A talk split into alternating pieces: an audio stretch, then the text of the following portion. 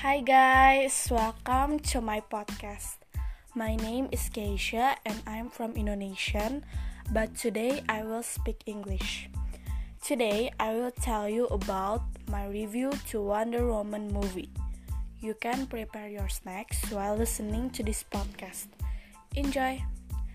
So the title is Wonder Woman. Who doesn't know Wonder Woman movie? I think everyone knows because this film is very popular.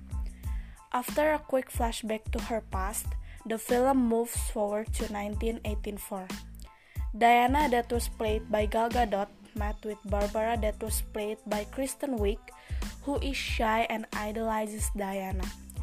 Diana and Barbara find an object called the Dream Stone, which can make wishes come true without being noticed, even thought their wish is realized, it will take away the things that are valuable to them.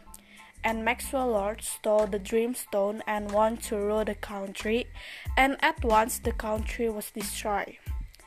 Wonder Woman movie has a very interesting plot and has a unique story. Although at the beginning of the film is a little boring and less understanding, but this movie is amazing and can watch by all age. If you are bored with male superhero movies, you should watch this. Trust me, this movie is worth to watch and amazing.